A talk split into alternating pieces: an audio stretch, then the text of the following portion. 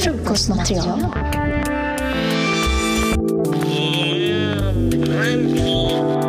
kör vi igång avsnitt nummer tre Num- av Frukostmaterial. Yay! Med Vendela och... Billy! Ja, det känns skönt att vara tillbaka. Ja, vi Det kan... känns som att det börjar bli rutin nu. Att man bara, ah, vi har hållit på med det länge nu, tredje gången. ja, nu börjar man fan bli varm i kläderna. Nu är jag inte lika nervös längre så jag, nu tror jag det kan bli lite mer... Nej, men jag är mer så här, och förlåt, men så här, ja, men man bara, det här var för länge sedan. Man är mer taggad. Mer så här, ja, ja, ja, ja. Det har fan hänt mycket. Ja, och vi har inte typ sett så mycket heller. Nej, för det har varit nyår, det har varit jul, det har varit eh, relationssaker. Alltså det har varit mycket sen vi... Och det har bara gått, vadå? En vecka? Eller Ja, två, men två veckor, veckor? ja. ja. Eller hur? Och då alltså, är det intressant att det också blir ett nytt år. Ja. Och jag typ gillar ju det. För jag gillar ändå när det känns som att det har hänt mycket när det är nytt år. Ja. Jag vet inte varför men att år, jag, då kan jag ju känna så här, okej det, alltså, det händer någonting för att det är ett nytt år. Ja. Mentalt känns det bra. Så det glider ju in i vad vi vill prata om i det här podcastavsnittet och det är nyårslöften Yes. och allting kring det. Ehm, och jag känner ju att jag har inte gjort nyårslöften på ett par år. Så för mig har det inte riktigt framkallat någon form av ångest. Så. Ehm, mer att jag har tänkt så här, vad vore kul att göra framöver typ. Typ så, snarare än att ah, det här är det målet som jag har, jag måste uppnå det till varje pris. Och sen eh, ha ångest på vägen. Mm. Utan det är mer så här typ, typ att ja, men jag skulle typ vilja ha... Det, är ganska, det kan vara ganska simpla grejer och ganska komplexa men det kan typ vara i någon form av så här, ja, jag kanske ska kolla på om jag vill ha ett nytt skåp. Ja men jag fattar. Ja. Men jag kan också tycka nice att göra sådana saker konkret. Bara, men det här är grejer som vore nice att checka av under det här året. Ta ställning till. Så att det inte typ faller mellan stolarna. Eller mm. glömmer bort det. Mm.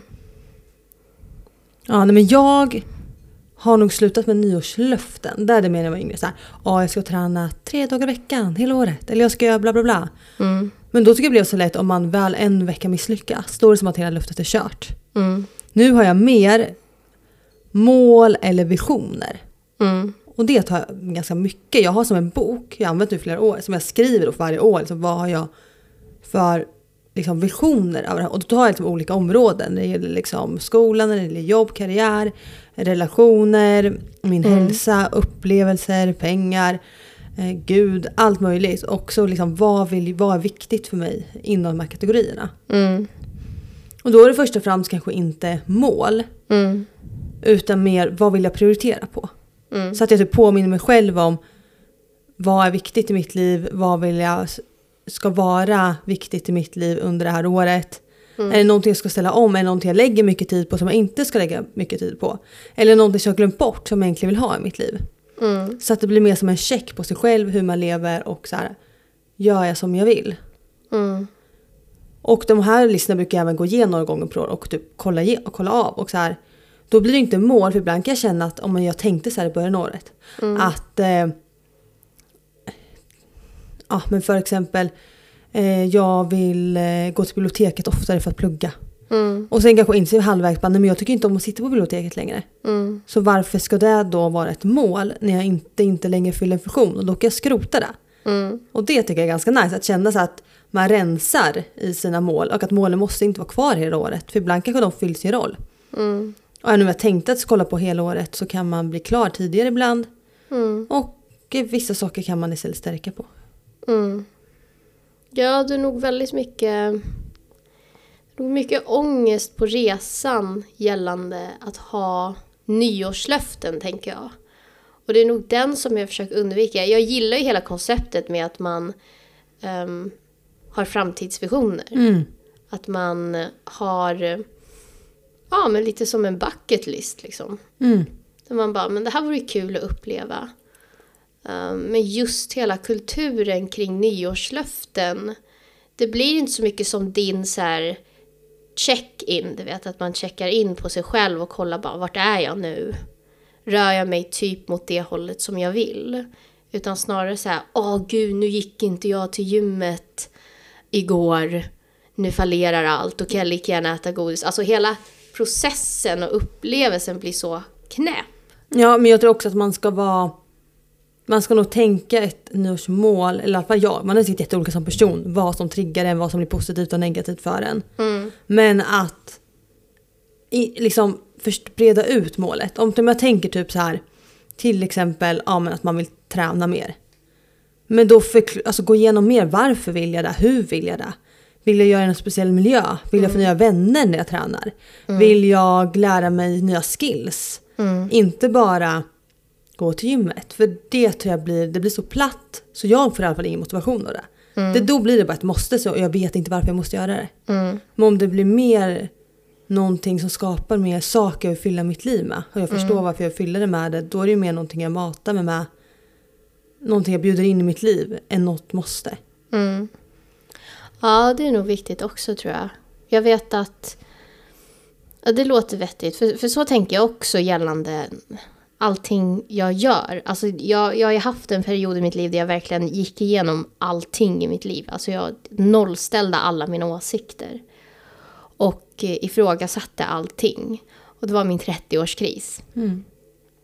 Ehm, Gud, det var ju ny, precis innan då vi träffades. ja, precis. Så jag har bara känt den nya Billy. Ja, precis. Och eh, innan min 30-årskris då hade jag ju väldigt klart och tydligt liksom så här, men det här tycker jag, de här åsikterna jag samlar på mig, de känns rätt. Ehm, de representerar liksom en bra resa för mig genom livet. Jag mår bra av att känna och tycka så här. Ehm, och sen så nollställde jag mig med min 30-årskris och sen så gick jag tillbaks till det sättet som jag tänkte innan. Och det var ju att ha ett konkret mål med allting som man gör. Och dra tillbaks till det här målet. Alltså dra alla beslut tillbaks till det här målet. Så om målet till exempel, nu ska jag ta någonting som är gans- ganska kontroversiellt. Men om målet till exempel är att ah, men jag, vill, jag vill ha 100 likes på mina post det här året. Det är jättebanalt, men det här är bara ett litet skojexempel. Ja. Ehm, men jag vill ha 100 likes på mina inlägg det här året. Då tycker jag att om man känner att man verkligen vill det, då ska man jobba för det. Och skita i vad folk tycker. För det är ens egna resa liksom, men det viktiga är att... eh, För att jag tycker som du att man ska ha ett konkret mål och sen ta alla sina beslut genom filtret av det målet. Det vill säga, ja ah, okej, jag ska införskaffa ehm, en hobby. Och ett emotionellt mål jag har för det här, liv, eh, för det här eh, året till exempel är att jag vill ha 100 likes på mina posts. Ja, men den här hobbyn, hjälper den mig att nå det här målet?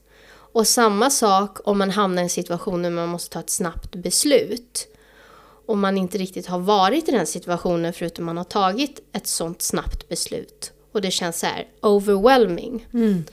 Då frågar jag mig i alla fall bara, men vad är mitt main goal med den närmsta framtiden? Och för mig, case specific mig speciellt, så har jag ju ett livsmål. Jag har ju mål som, som täcker så här, det här året, de kommande fem åren, de kommande tio åren och liksom tills jag dör. Jag har ju sådana mål.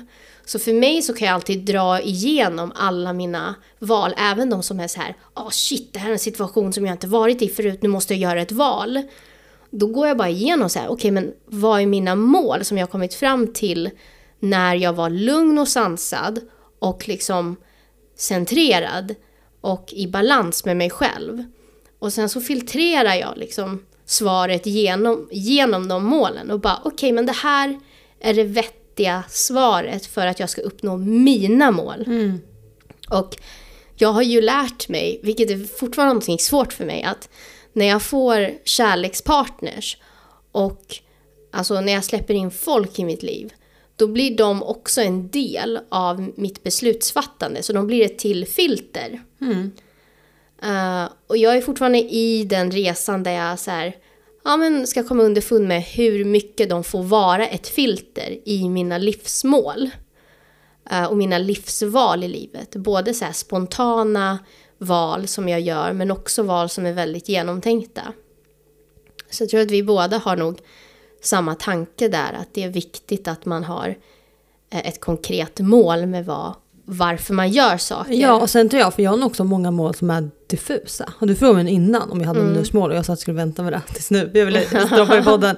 Mitt nyårsmål jag har i år, det är följ ännu mer med intuition. Mm, Och det är väldigt diffust, det är så här, vart tar min intuition mig? Ingen aning. mm, Men jag tror jag är en person som hela mitt liv följt med intuition väldigt starkt. mm. Men jag har typ känt det, det här året att så här, antingen får jag välja att följa den fullt ut. mm, Men nu är det ändå på liksom, man följer dem så följer man andra röster ibland. Och då är det som att jag har två vapen men jag använder inget av dem helt. mm, Så jag bara tror jag verkligen att intuitionen tar mig dit jag ska. mm, Då måste jag då våga lita på den ännu mer. mm, Så det är mitt nyårsmål. Men jag, eller nyårslöfte. mm, Men vad det kommer göra med mig har jag ingen aning. mm, Så det är ju ett väldigt diffust mål. mm, Men, och då handlar det mer om så här, och så nog många av mina långsiktiga mål, så här, vad vill jag bli för sorts person? mm.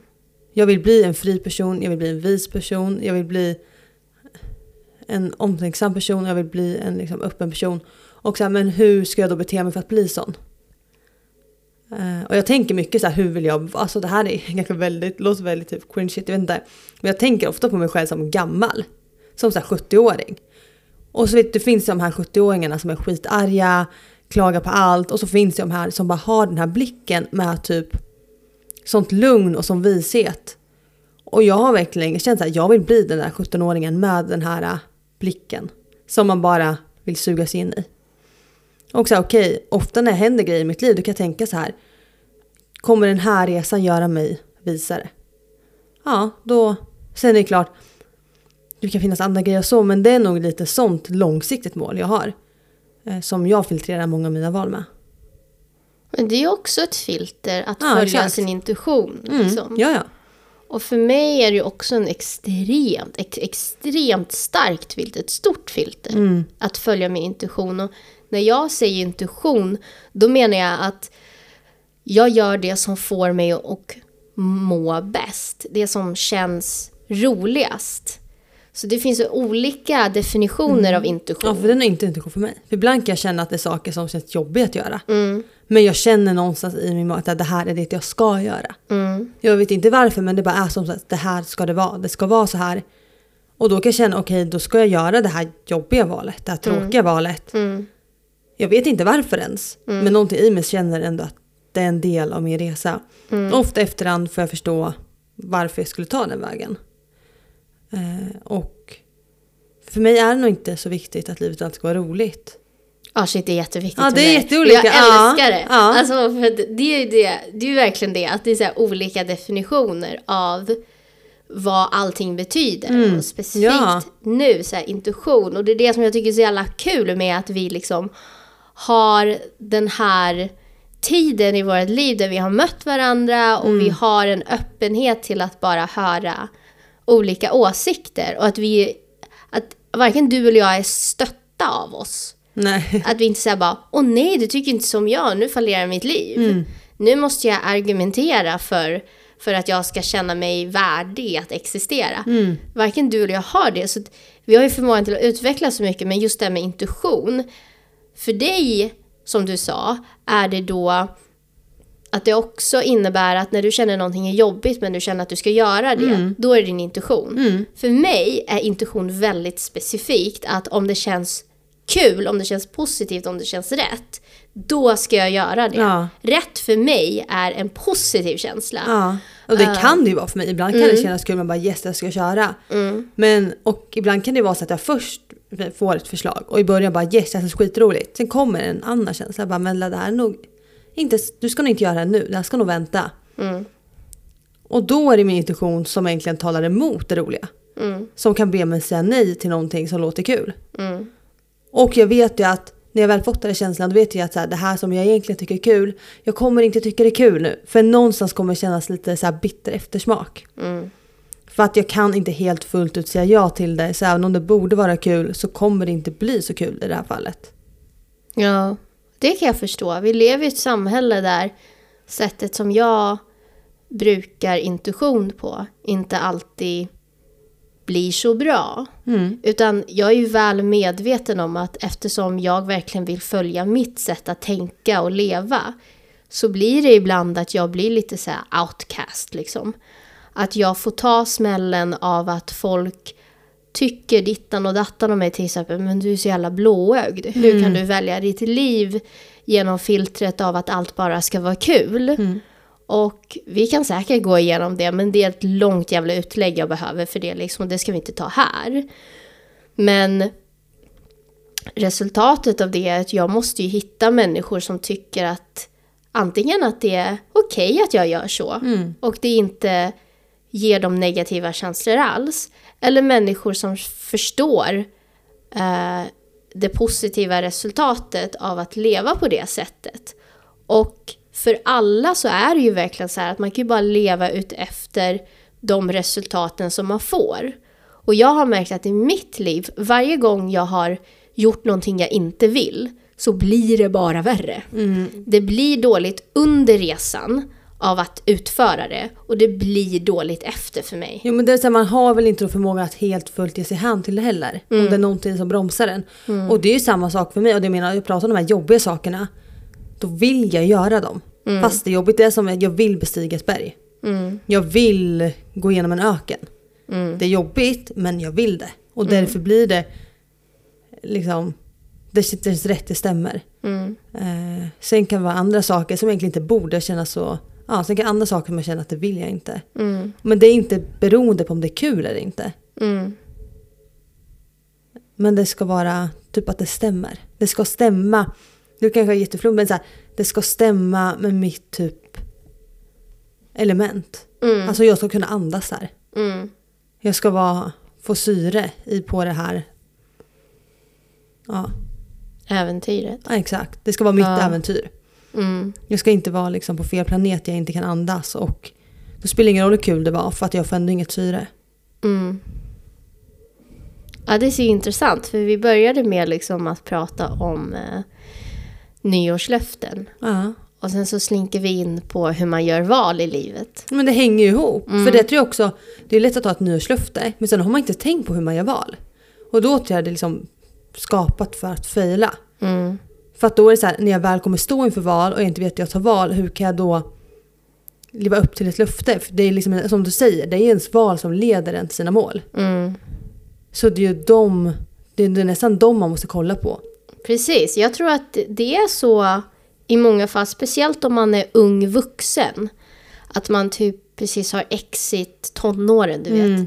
Man precis har exit, ehm, vad ska man säga, Ehm, trygg, tryggheten eller konstellationen av att man är barn till föräldrar och föräldrarna fortfarande tar hand om en. Ja, man går, man vill gå i skolan, måste inte tänka på vad man ska göra. Precis, och sen så Samma sak. kommer allt ansvar och sen så kommer man in i unga vuxna situationen där både relationer, pengar, eh, möjligheter öppnar upp sig, ehm, festande, alltså allting Mm. öppnar upp sig helt plötsligt och mitt i det här så ska man också ha koll på hur man gör rätt val för en.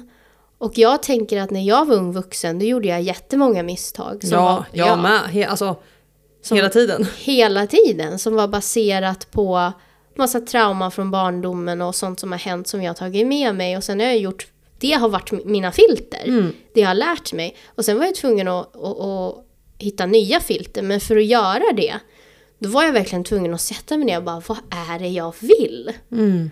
Och jag tror att som ung vuxen, att i alla fall att leva typ, ja, men om vi säger ett vanligt storstadsliv eller ett liv i Sverige Mm. överhuvudtaget. Eh, om man växer upp i en konstellation, där- du vet man har gått i skola, man har gjort det vanliga svenska livet. Så att Ja, säga. folk har sagt till en vad man måste göra, man har inget val riktigt. Det Precis. är bara att göra det. Precis, och sen helt plötsligt så ska man liksom slängas in i alla de här möjligheterna utan att veta när man ska säga stopp för att det ska passa ens egna resa. Ehm, och jag tror det viktiga, i alla fall för mig, vad jag, vad jag har kommit fram till och reflekterat över är att i den perioden så hade jag ändå hoppats på att se några exempel och kanske ha liksom levande individer som, som var i min närhet som kunde ha sagt till mig typ att okej, livet är väldigt mycket nu. Det kommer hända asmycket de närmsta åren och alla dina val som du gör kommer vara baserat på det som har hänt dig innan. Så det som skulle hjälpa dig nu är ifall du bara skulle sätta dig ner och fråga vad det är du vill. Och inte vad det är du tror att andra vill att du ska vilja.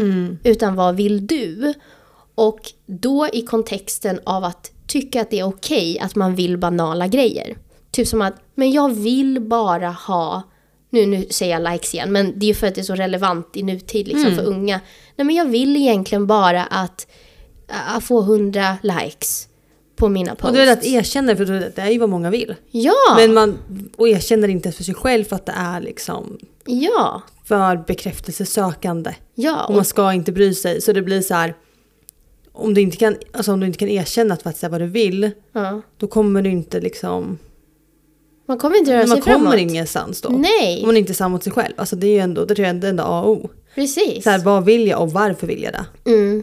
Och man måste ju gå igenom den känslan för att veta om man faktiskt tycker om den eller inte. Om den har gett n- en någonting eller inte. Jag lärde mig ganska sent att jag kan inte ta råd från människor som säger så här. Nej men jag har redan gått igenom den upplevelsen så du behöver inte göra det utan lyssna bara på vad jag säger nu. Och jag blir så här, ja fast det här är ju mitt liv och det här är min resa och jag vill lära mig mina läxor i min takt. Genom liksom mina metoder, för det är det enda sättet som jag kan växa på. Jag växer ju inte för att, du vet, någon annan säger till mig jag har redan upplevt livet så nu behöver inte du det. Nej, och det är... Det är man må, eller i alla fall, jag tror man är lite olika också. Vissa personer kanske är bättre på att faktiskt lära sig av andras misstag. Mm, Jag, tror jag är en väldigt känslobaserad person. mm, Så jag måste känna mina misstag i kroppen. samma. Mm. Alltså jag måste fysiskt veta hur ett misstag är. Jag kan liksom inte förstå det. Jag förstår det inte intellektuellt. Nej.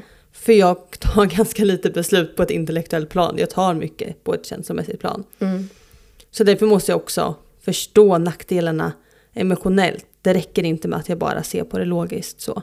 mm, Och eh, det är en grej jag verkligen har med mig från det här året. Alltså det är väl sån som jag vet, den börjar nog, för det är som att i början på det här året då var jag väldigt sån, det var liksom förvirrad tid. mm, Det var liksom jag... Ja men det var covid mitt igång. Alla planer som jag hade vart verkligen cancellade. mm, Med liksom jobb och allting. Allting vart bara så här. äh, Helt ovisst. mm, Och då kände jag att det var så många människor som hade råd till mig. Och då fick jag bara en sån tanke i mitt huvud. Bara Vendela, ta hellre ett- ett råd för lite än ett råd för mycket. mm, Alltså att det är bättre att missa ett råd du borde ta av någon. Än att ta ett råd du inte borde ta. mm, Om du fattar vad jag menar. mm. Att så här, för att folk vill ge en goda råd men, och som säger folk vill att man ska lära sig deras erfarenheter. Men det kan också förstöra en. Mm, Då, inte för att de har dåliga intentioner men så här för att det här, jag är i mitt res- element, jag är i min resa. mm, Och jag vill inte formas av fel råd. nej. Då missar jag hellre, då går jag hellre miste om ett bra råd. Mm, För att vara för selektiv med råd. mm, Än att ha för många råd. mm. Ja, så när ska man, när ska man, när ska man bestämma sig för att öppna upp för att ta andras råd? Rent pragmatiskt. För jag tycker... Jag lever ju väldigt mycket ett liv där jag exkluderar andra från mina beslutsfattande. Och jag är ju väldigt tydlig med vilka som får ta del av att vara en del av mitt beslutsfattande. Och där så är ju primärpartnerrollen i princip den enda personen som jag faktiskt tar in bara, okej, vad tycker du? Ah, okej, då tar jag in det och så gör jag beslut ut efter dina åsikter också, som påverkar mitt liv. Ehm, men annars så, när tar man in andras åsikter? Jag tar nog bara in andras åsikter som ett förslag på eventuella vägar. Sen så, så frågar jag nog aldrig så här, Sen så tar jag nog inte det som så här ett filter för beslut. Snarare än bara så här, hur gick det för dig när du gjorde så? Så att jag kan få ett exempel på handling och utfall. Så när tar du in folk? Jag är nog ganska självständig så att jag gillar att ta en roll själv men jag gillar att ventilera mina beslut med andra. Ja. Och jag har några nära vänner som jag märker är väldigt bra på att förstå min hjärna. Förstå det jag säger. För ibland kan jag säga när jag är uppe i någonting då är jag själv förstår, svårt att förstå vad jag känner. Som jag bara får spy ut mina tankar om det här beslutet inför dem. Då kan de efteråt säga Vendela, det låter ju som att du vill det här. Eller det låter ju som att du är rädd för det där. Det låter som att du tvivlar därför att du känner så här. De, det är inte så att de ger mig mina egna råd tillbaka. Mm, Om du förstår. Det är inte så att de säger jag vill att du ska ta A. Utan det är mer så här, utifrån det du säger så låter det som att du vill ta A. Men jag är liksom för mycket i processen för att se det själv. För i- i min hjärna så liksom går allting kors och tvärs, upp och ner. mm, Eh, Så att så att jag jättemycket in andra människor i mitt liv. Och jag tar in andra människor in i mitt liv för att be över mina beslut. Mm. Och då är det ju inte heller de som tar råden, då är det bara att jag kan tycka, när jag också det att jag är förvirrad, jag kan tycka det är svårt att själv liksom be om det inför Gud på något sätt, för jag vet inte vad jag ska be. Och då kan jag säga till någon annan, kan du be för det här? Mm. Och jag har också varit med många gånger att folk får visioner eller bilder eller liksom tilltal av- till sig om mig som jag kan använda i mina beslut. Mm. Ja. ja jag, jag, jag, gör, jag ger nog inte den sortens... ehm, den sortens utrymme själv. Jag- Jag tror de gångerna som jag ger utrymme är när jag har tagit ett beslut och jag bara, men jag tycker konkret så här. Mm. Och sen så kommer, för, för det här är standardprocessen för min hjärna. Så jag utsätts för någonting, jag bearbetar det, jag gör ett beslut att okej, så här tycker jag. Så här är det logiska svaret för mig utifrån informationen som jag har samlat på mig under de här Mm. 30 plus åren. Liksom. Och sen, det som hände direkt efter är bara, men tänk om jag har fel? Mm. Och då måste jag så här, då, då springer jag frenet. Men det är, ju där, det är oftast där som jag springer Ja, och då kommer, till kommer dig. det. Man märker det har någonting fallit ner i din hjärna. Ja, och då kommer jag säga, jag bara, "Ja, men, eh, jag tänker så här, Eh, vad tycker du? Så jag har redan bestämt mig vad jag tycker när jag kommer till någon och frågar så här, men hur är din vinkel på det här? Ehm, för att ibland så tänker jag så här, visst, jag är kaxig eh, hela vägen fram tills jag har tagit ett beslut. Och sen så är det som att jag bara, men shit, tänk om jag har fel? Och då, det är då som jag ger en öppning för andra. Om du testar ditt beslut lite på marknaden. Eller vad man ska säga. Precis. Ja, och så testar jag på marknaden som du säger. Och efter det, efter att jag har gett den sortens, ehm, den delen av processen utrymme där jag släpper in andras tankar för att bara klargöra, men är Mm. jag knäpp nu så som jag tänker? Eller finns det någon grund kollektivt också? För jag är väldigt nöjd med att leva i min egen värld och jag antar att det blir lite av så här ignorance is a bliss. Att det bara finns jag och det är bara jag som tar beslut. Men sen så lever jag i en värld där det är så här kollektiva beslut som tas för att man ska kunna gemensamt existera. Och då måste jag släppa in andra. Men det tror jag ändå, men då känns det som att då, har, då är det ju ändå grundad i ditt val.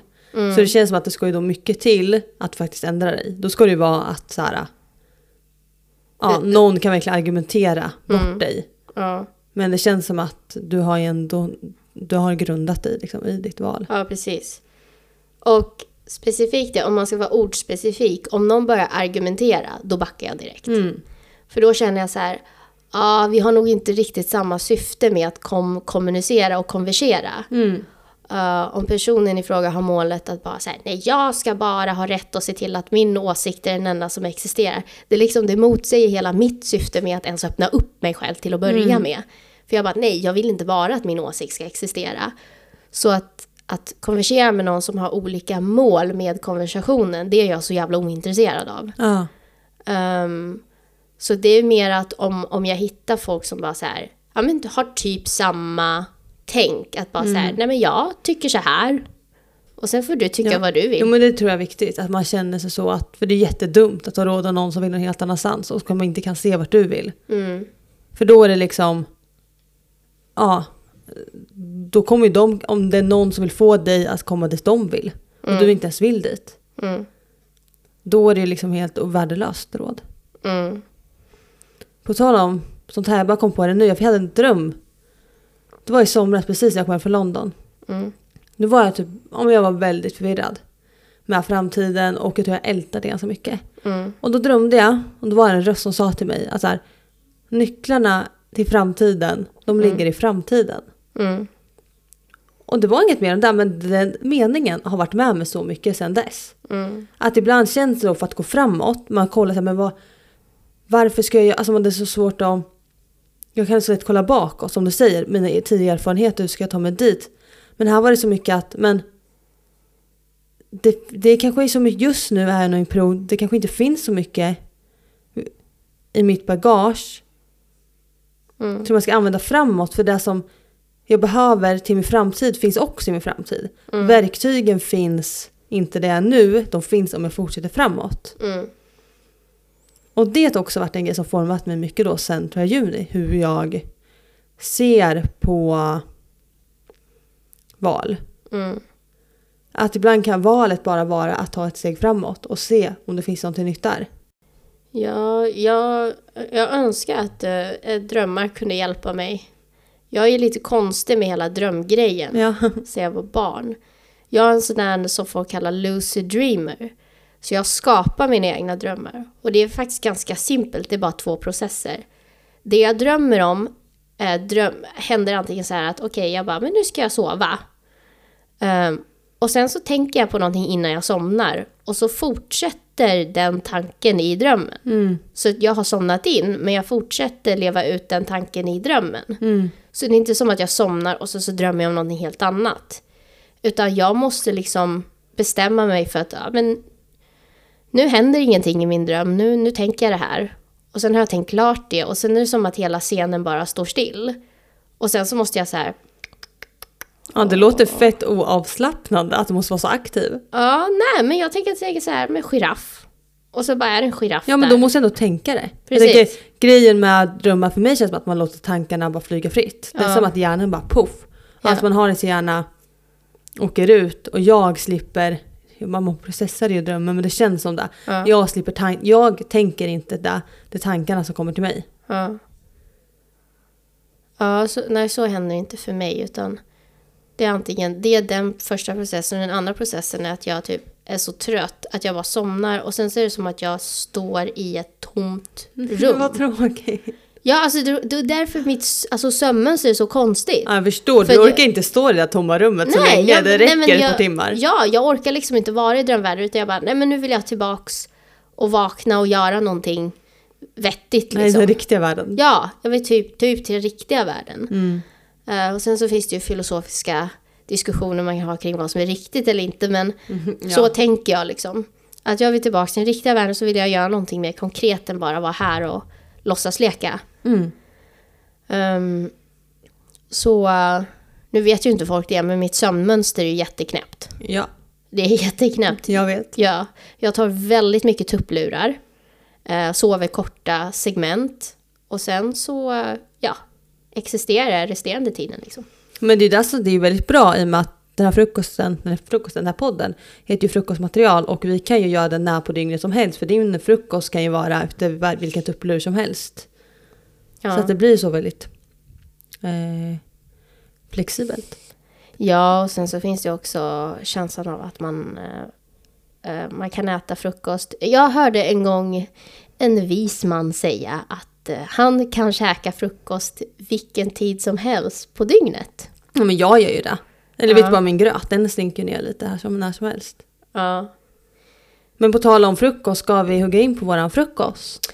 Ja, nu kommer vi till eh, segmentet i podden där vi ska äta det Vendela har lagat. Ja, och det här var inte jag lagat, det här är min gulliga mamma lagat. Ja. Som jag fick med mig när jag Tack var hemma mamma! över jul.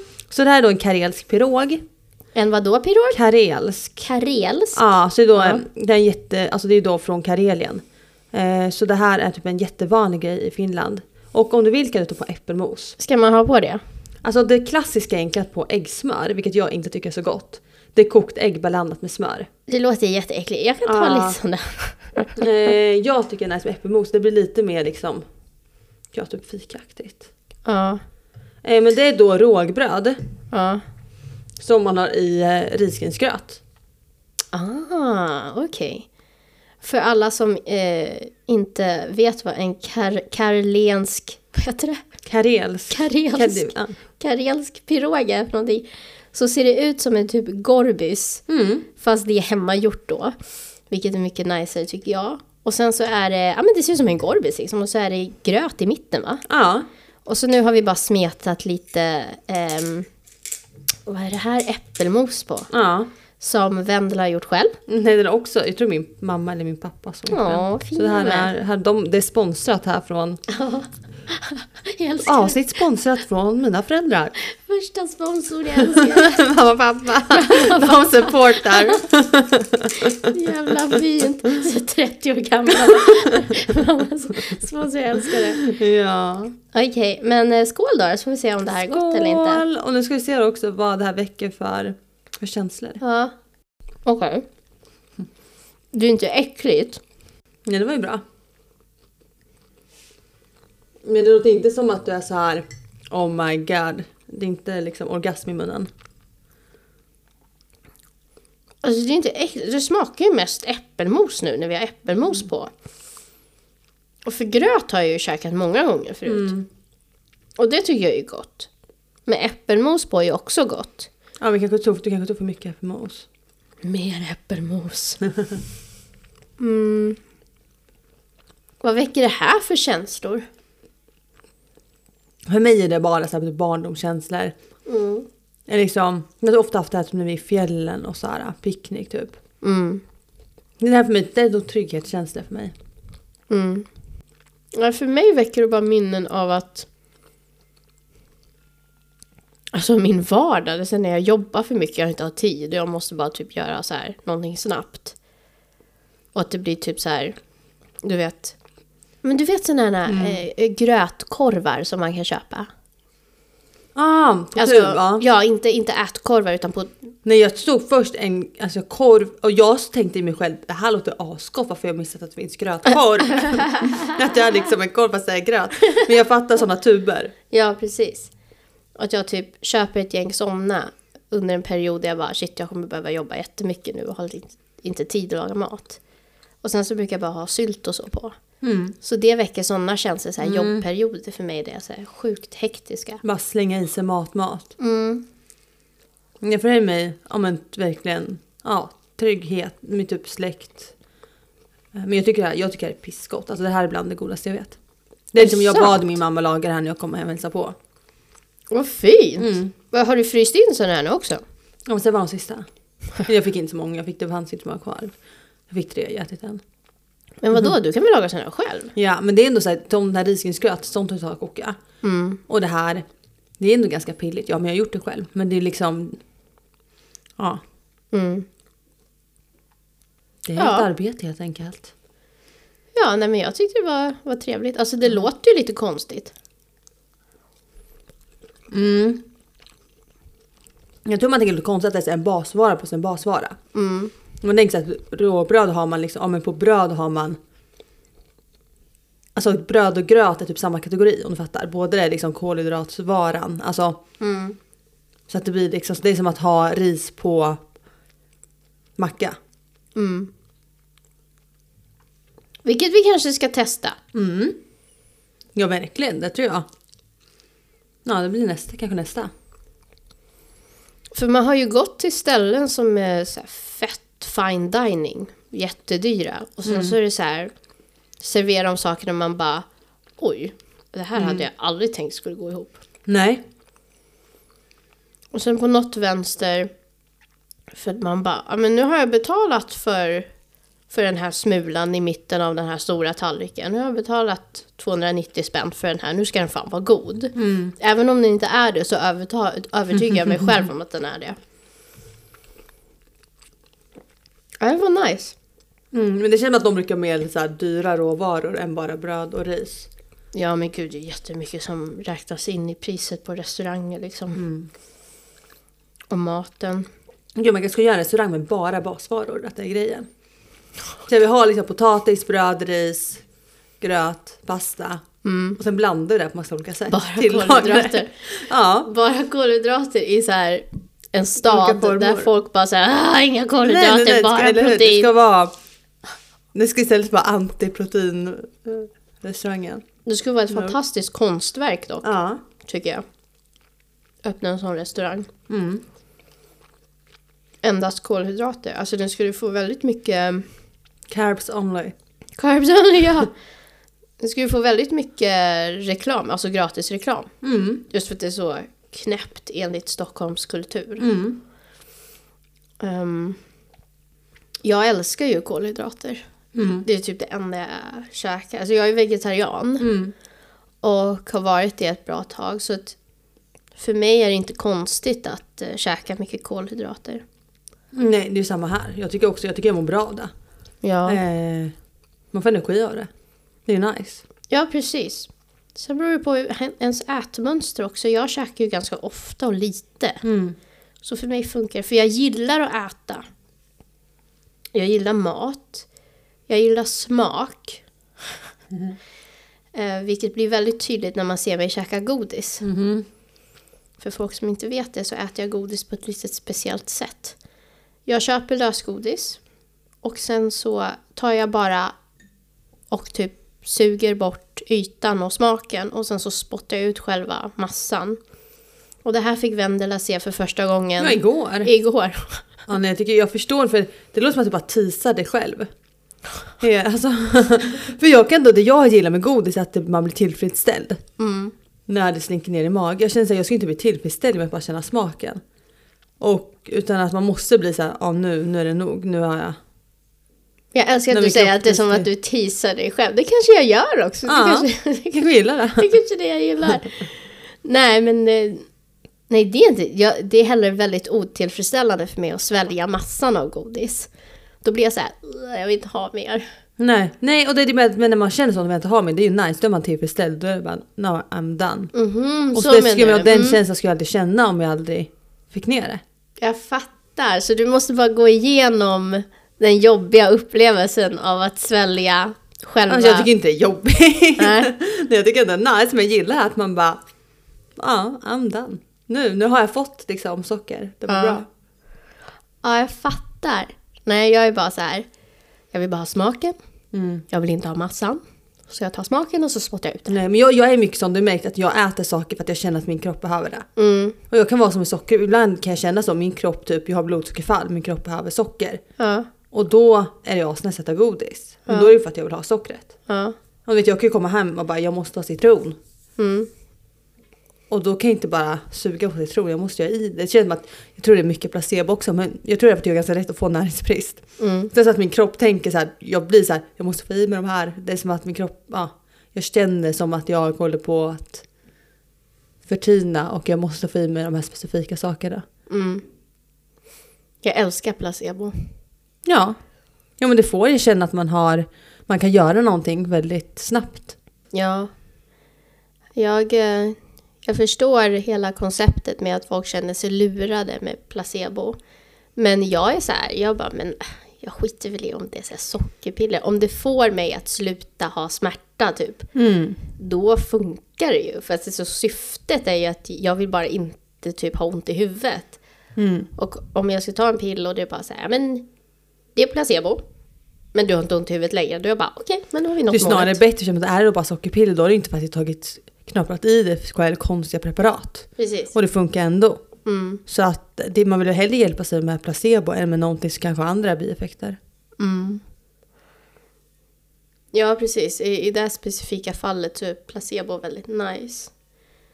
Men... Ja, jag, är- nej, men jag tyckte den här pirogen var, var cool. Ja, ja, men bra. Ja, det var lite... Det, jag, jag har aldrig ätit en sån här pirog förut. Men det var väldigt coolt. Ja, men jag såg de fanns faktiskt att köpa på... Eh, det var Ica. Jag tror Aha. Lidl också brukar ha sådana, vet, den här typ bake-off-grejen. Så Ah. tips för alla som är, varit väldigt sugna nu. Ja, men det förstår jag att folk blir nu när de har hört oss smaska i det här. Ja. Ja, nej, men vad, vad känner du? Vi börjar närma oss en timme nu på det här avsnittet. ja. Vad, har du något sista du vill ta upp? Faktiskt inte. Jag tyckte det här var väldigt intressant att höra hur vi går tillväga med livsval och så.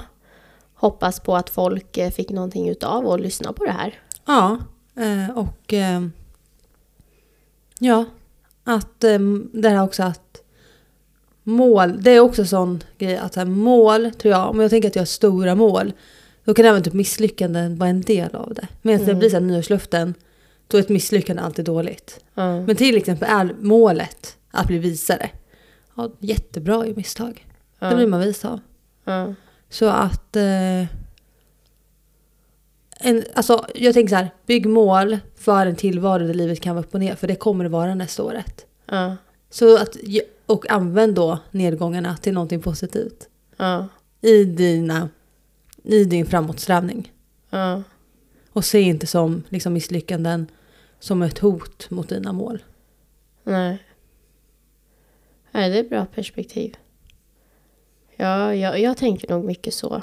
L- eh, lite rappat på ett annat sätt, lite paketerat på ett annat sätt. Men i grunden så ser jag nog också livet så.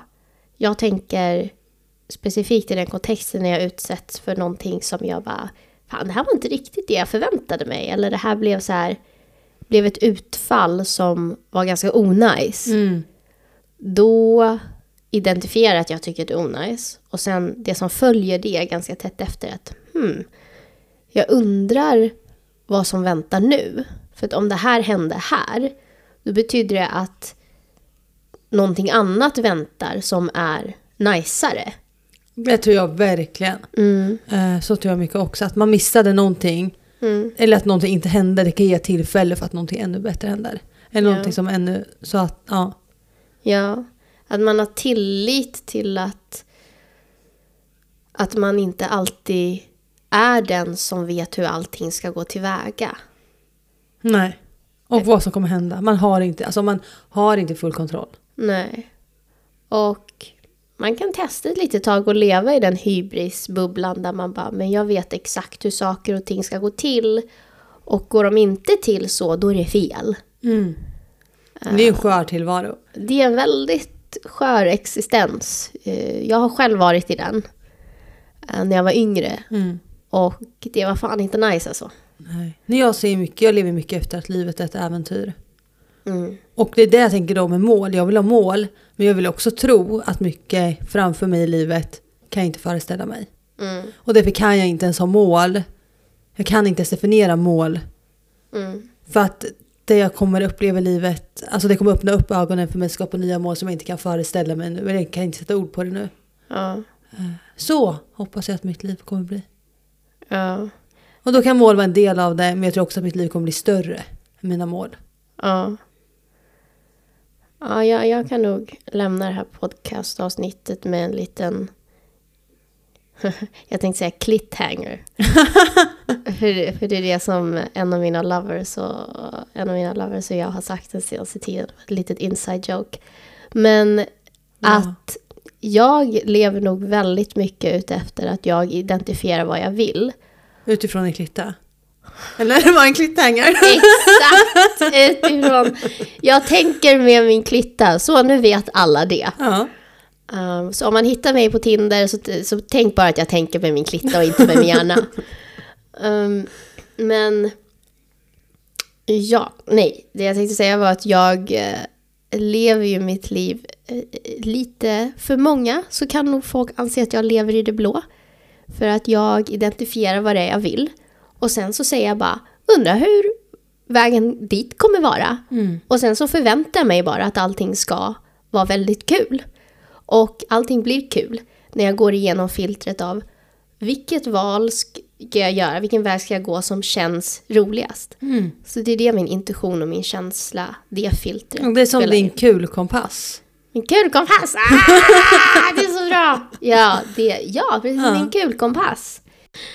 Alright, har du några sista ord innan vi klaffar igen här? Nej men bara, var snälla mot er själva när det gäller press på nyårslöften. Men tro att ni kan åstadkomma mer med ert liv än vad ni kan tro. Fint! Okej allihopa, vi hörs i nästa avsnitt. Ja, Vi puss kan- och kram. Glad januari. Just det, det är januari ja. Puss och kram, hej då! Hejdå.